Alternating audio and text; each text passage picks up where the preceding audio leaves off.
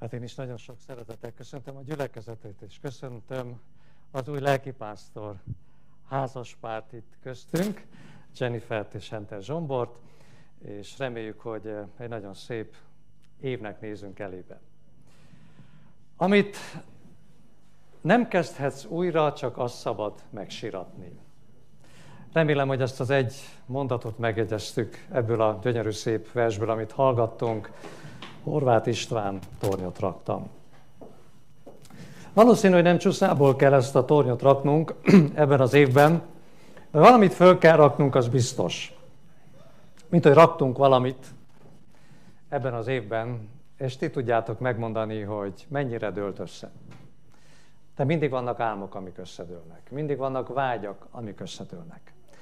Vannak teljesítmények, amik eltűnnek vagy meg se születnek, emberi kapcsolatok, amelyek elromlanak.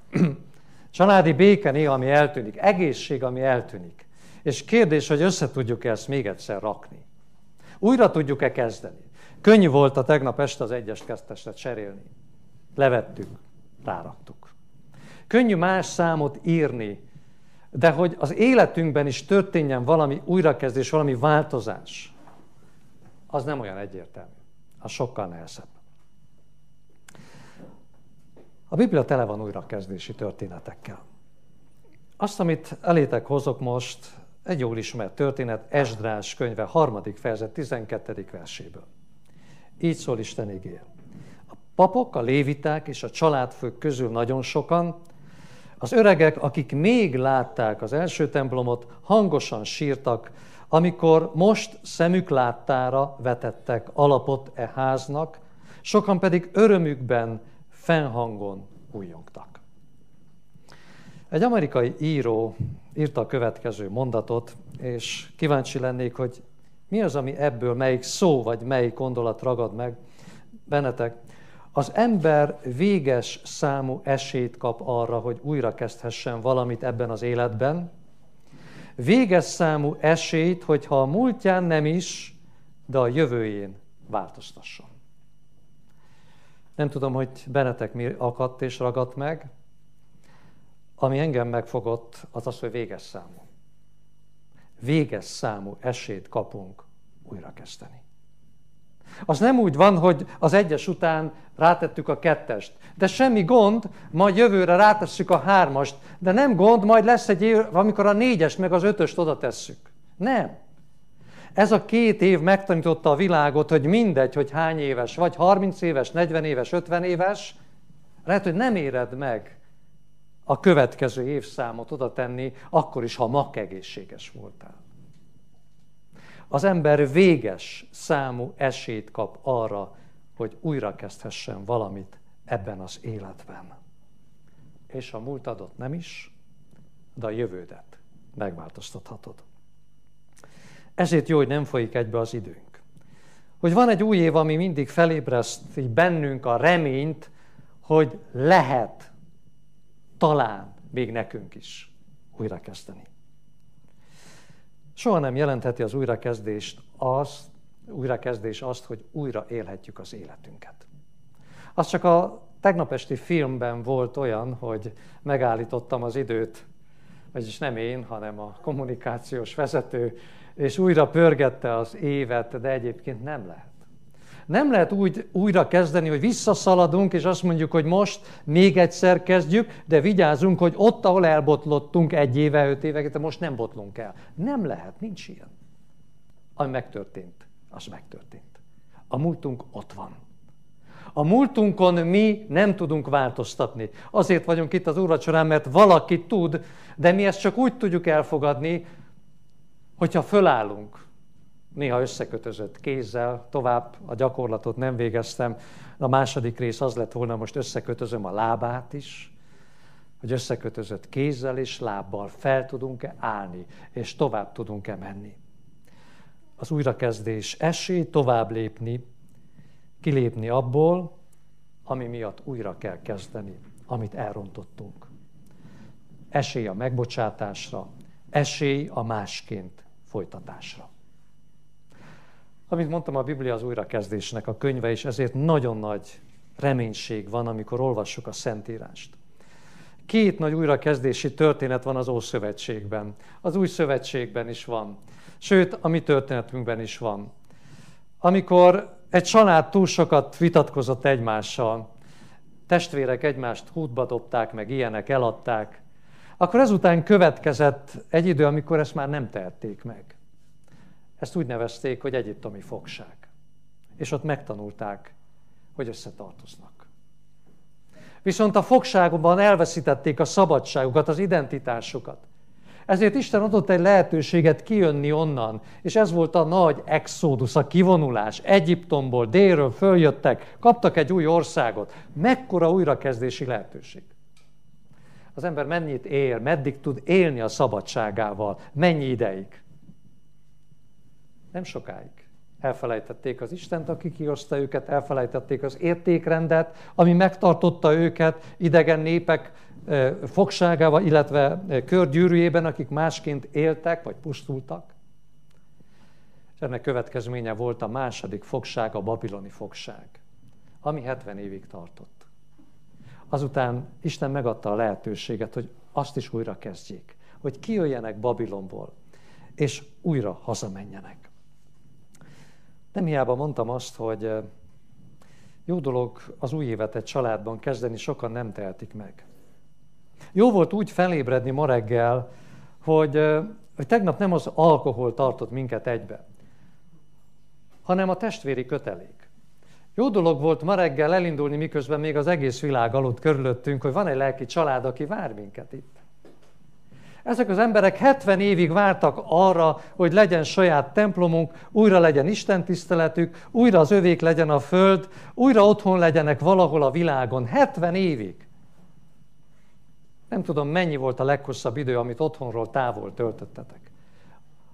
Amit a gyülekezettől otthon töltöttetek.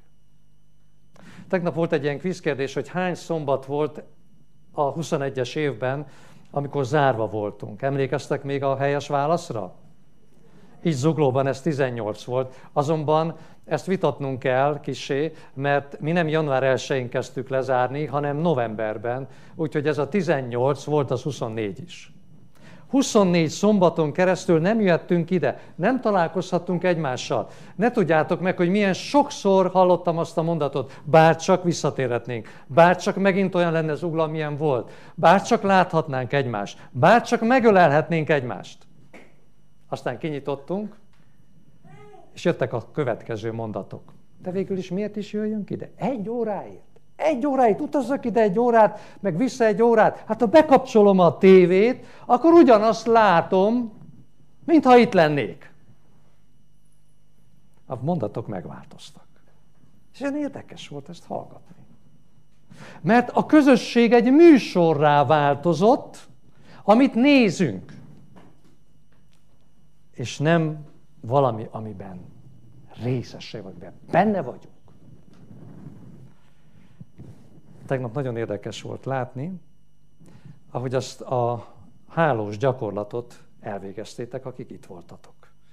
Emlékeztek még? Talán akik nem voltak itt, láthatták. Én figyeltelek benneteket, ti nem figyeltétek magatokat, csak azt, hogy mi lesz a Domival a háló megtartja-e. De közben mit éreztetek, akik tartottátok a köteleket?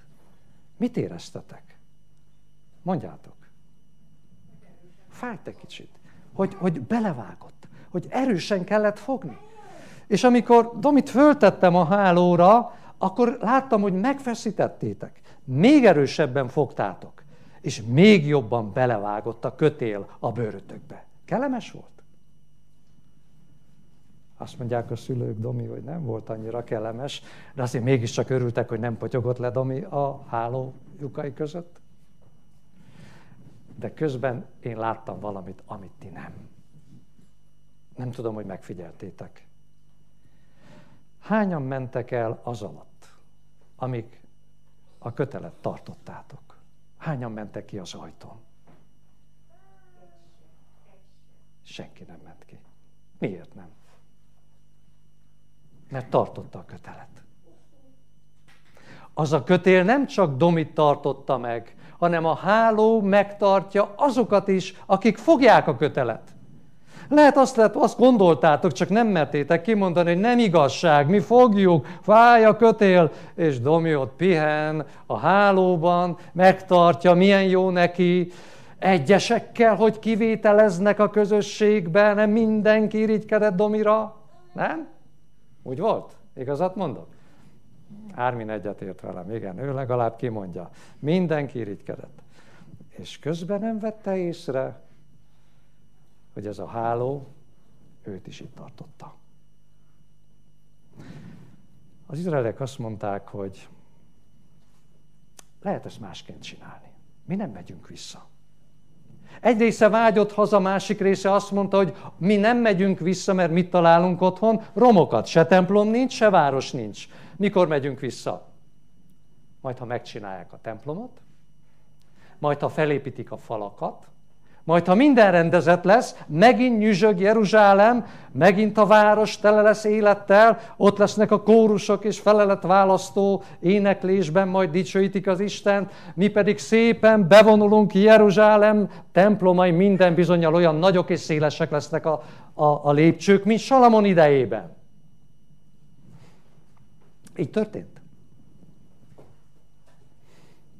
Pontosan most nem tudnám megmondani fejből, nem akarok más mondani, hány évig építették a várost és a templomot együtt, mennyi idejük telt el, de egy biztos, amíg minden elkészült, ezek az emberek, akik azt gondolták, hogy majd akkor visszajönnek, ha minden kész lesz, már rég nem éltek. Mert olyan hosszú idő telt el. Család csak azokból lett, akik, akik hazamentek. Akik lehajoltak és megfogták a sáros köveket, akik bepiszkolták a kezüket a közös munkával, akik odaadták az idejük, a pénzük, az energiájuk egy részét, akik megfogták a köteleket, akik hagyták, hogy a kötél bevágjon a saját bőrükbe, csak azokból lett család. Mert az Isten úgy intézte, hogy azt, amit láttunk itt, Bendegúz föl tudott állni. Az élet legtöbb történetében nem lehet megcsinálni. Mert oda kötözik a kezedet, a lábadat, mint Gullivert a földhöz, kell valaki, aki segítsen, hogy föl tudj állni. Újra kezdeni Isten családjában, a közösségben lehet. Egyedül nem. És ezek az emberek hazatértek. Letették a romok mellett az új templomnak az alapkövét. Ott volt ki rajzolva a kövekből a terv rajza, hogy mekkora lesz. És amikor ezt látták, akkor a gyülekezet két szólamra oszlott. Ez volt az újévi koncert, ez az a zene, amiről szól a cím. Most lehet, hogy épp a bécsi filharmonikusokat néznénk, hanem itt lennénk az újévi koncert, ez nálunk egy családi hagyomány, mindig meg szoktuk nézni, most nem fogjuk megnézni, de nem tudom, hogy kipróbáljuk-e a Bécsi koncert helyett azt, amit itt olvastunk a Bibliában. Mi történt? Az egyik szólam elkezdett sírni, hangosan, a másik fele elkezdett öröm újongani hangosan. És mind a két tábor olyan hangosan mondta a saját szólamát, hogy a környező népek meghallották. A sírás és az örömújongásnak a hangját. Vannak itt zeneértő emberek, akik zenét gyakorolják, tanulták, szakértők. Szeretnétek egy ilyen kórust vezetni? Egyik durba, másik molban énekli a maga szólamát, irányíthatatlanul hangosan, nincs tekintettel az egyik szólam a másikra, az egyik lassan és hangosan, a másik gyorsan és hangosan. Egyik hangja elnyomja a másikat, majd a másik hangja az egyiket. Szeretnétek egy ilyen kórusba énekelni, szeretnétek egy ilyen kórust vezetni? Vagy hadd kérdezzem meg, hogy melyik kórus, melyik szólamba szeretnétek énekelni? A sírók között, vagy az örömújongók között? Hol szeretnétek énekelni? Egyesen semmelyikbe. Semmelyikbe? Hát, ha egyesen énekelünk, sírő is, akkor egy, egybe Aha. Külön, külön akkor... Hát, de muszáj egybe énekeljünk. Tessék? Az öröm? Öröm? Könnyebb, könnyebb elviselni, könnyebb hallgatni az öröm. Aha. Ó, nagyon jó. Nádia megoldotta ezt a kérdést, hogy átmegy egy kicsit a sírókhoz, sír velük is egy kicsit, ne érezzük magukat egyelőre, azután pedig átjön és örül egy kicsit az örülőkkel. Ez egy nagyon jó megosztás. Pontosan ez történt. Nem tudom, megfigyeltétek-e, hogy, hogy aki, aki ezt vezette, nem tudom, hogy ki vezette, mikor intette le, hogy na most már ti hallgassatok, vagy hogy most ti hallgassatok el. Olvastam ilyenről? Nem. A sírok sírtak tovább, és az örömújongók újongtak tovább. Isten családja az a hely, ahol nem kell mindenkinek egyszerre örülni és egyszerre sírni.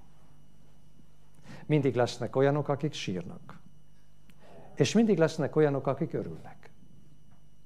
Mindig lesznek olyanok, akik olyan életszakaszban vannak, hogy, hogy mindenökük megvan arra, hogy, hogy, hogy a plafonon járjanak, annyira jól összejöttek a dolgok. Annyira szenzációs dolgok születtek. Megszületik egy gyerek, megszületik egy kapcsolat, megszületik valami, amire vártak, diplomáznak, stb. Örömújongás.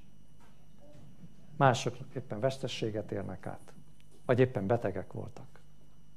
Mit csináljunk azokkal, akik sírnak? Mit csináljunk azokkal, akik örülnek? Az örülőket hagyjuk örülni. A sírókat hagyjuk sírni.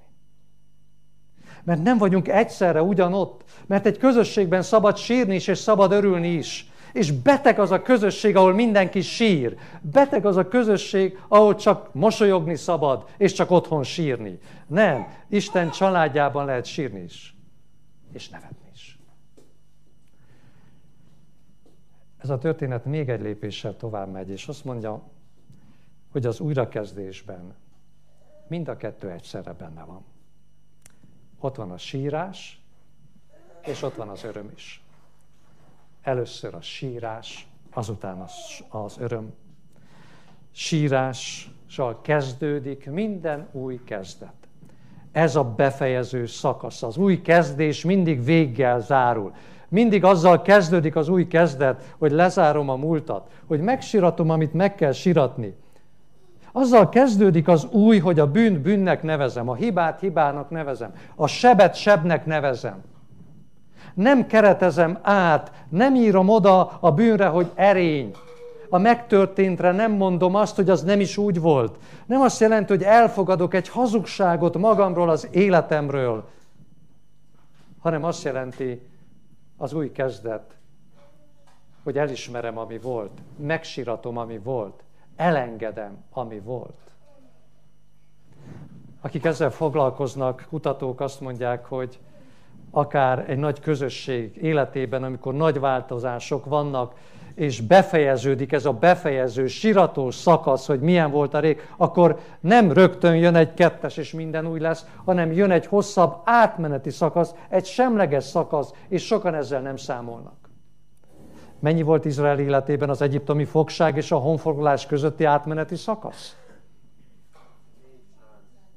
A fogság 400 év volt, jött a honfoglalás, és a kettő között mennyi időt telt el? 40 év. Babilonból 1500 kilométert gyalog hazajönni, plusz néhány évtized felépíteni, ennyi volt az átmeneti. Ne higgyétek el senkinek, hogy az új kezdet, az úgy történik, hogy megfújják éjfélkor a, a, a kürtöket, meg megropogtatják a tűzijátékot, és amikor ennek vége, akkor új ember leszel. Van egy ilyen könyv, hogy péntekre új én. Ismeritek? Nem, ilyen nincs. Attól, hogy az egyest ki cseréltük egy kettes, attól nem lesz még önmagában új, új attól lesz, hogy végigmész ezen a semleges, nehéz területen, amikor egyszer fönt vagy, és egyszer lent vagy. Egyszer fönt vagy, aztán lent vagy. Amikor sírsz, és örülsz. Amikor megint sírsz, és megint örülsz és megint sírsz, és megint örülsz. És amikor sírsz, nem maradsz lent, hanem hasizommal vagy segítséggel fölállsz. És az x felállás után felismered, hogy megérkeztél. Ez az új kezdet. Ma sorára jöttünk össze, és a változásnak minden eleme benne van. Hol van a sírás szakasza? Az, ami otthon történt, amikor előkészültél, és ennek a jelképe a lábmosás. Amikor lezárod azt, amit le kell zárni. Elengedett, amit el kell engedni. És hol az új kezdet? Amikor magadhoz veszed a jegyeket. És Jézus megígéri neked, hogy ő mindent újjá tesz. Nem csak a jövőt, mert azt tudjuk, hanem tényleg újraírja a múltadat. Mert eljön az idő, amikor az, ami volt, az soha senki nem fogja többet emlegetni. Imádkozzunk. Úr Jézus, köszönjük neked, hogy most itt vagyunk egy új kezdésnek az idején. Köszönjük neked, hogy a mi vágyaink és a céljaink ellenére át kell élnünk a változásnak minden szakaszát, a sírást is, az elengedés idejét is, a semleges átmeneti időnek a sivárságát, bizonytalanságát is. De most azért vagyunk itt, hogy megragadjuk azt az új identitást, azt az új kezdést, ami még nincs teljesen itt, amit a te igédben megígértél, hogy visszajössz, újjá teremted az életünket, újjá teremted ezt a földet, minden új lesz. Szeretnénk ezt megélni, szeretnénk ebbe is benne lenni. De most itt, ebben az úrvacsorában, miniatűrben átélni, megélni, elfogadni. Köszönjük neked, hogy van erre lehetőség, hogy így kezdhetjük el ezt a napot. Köszönjük, hogy egy ilyen családban lehetünk. Köszönjük, hogy van egy ekkora háló, Add meg nekünk azt a bátorságot, azt a felelősségérzetet, hogy fogjuk meg ennek a hálónak az egyik végét. Nem csak azért, hogy mások ne essenek el, hanem mi is megmaradjunk. Megmaradjunk melletted, közel hozzád, közel egymáshoz. Ebben a bizonytalan, felfordult világban. Köszönjük, hogy ezt átélhetjük ma. Jézus nevében kértük. Amen.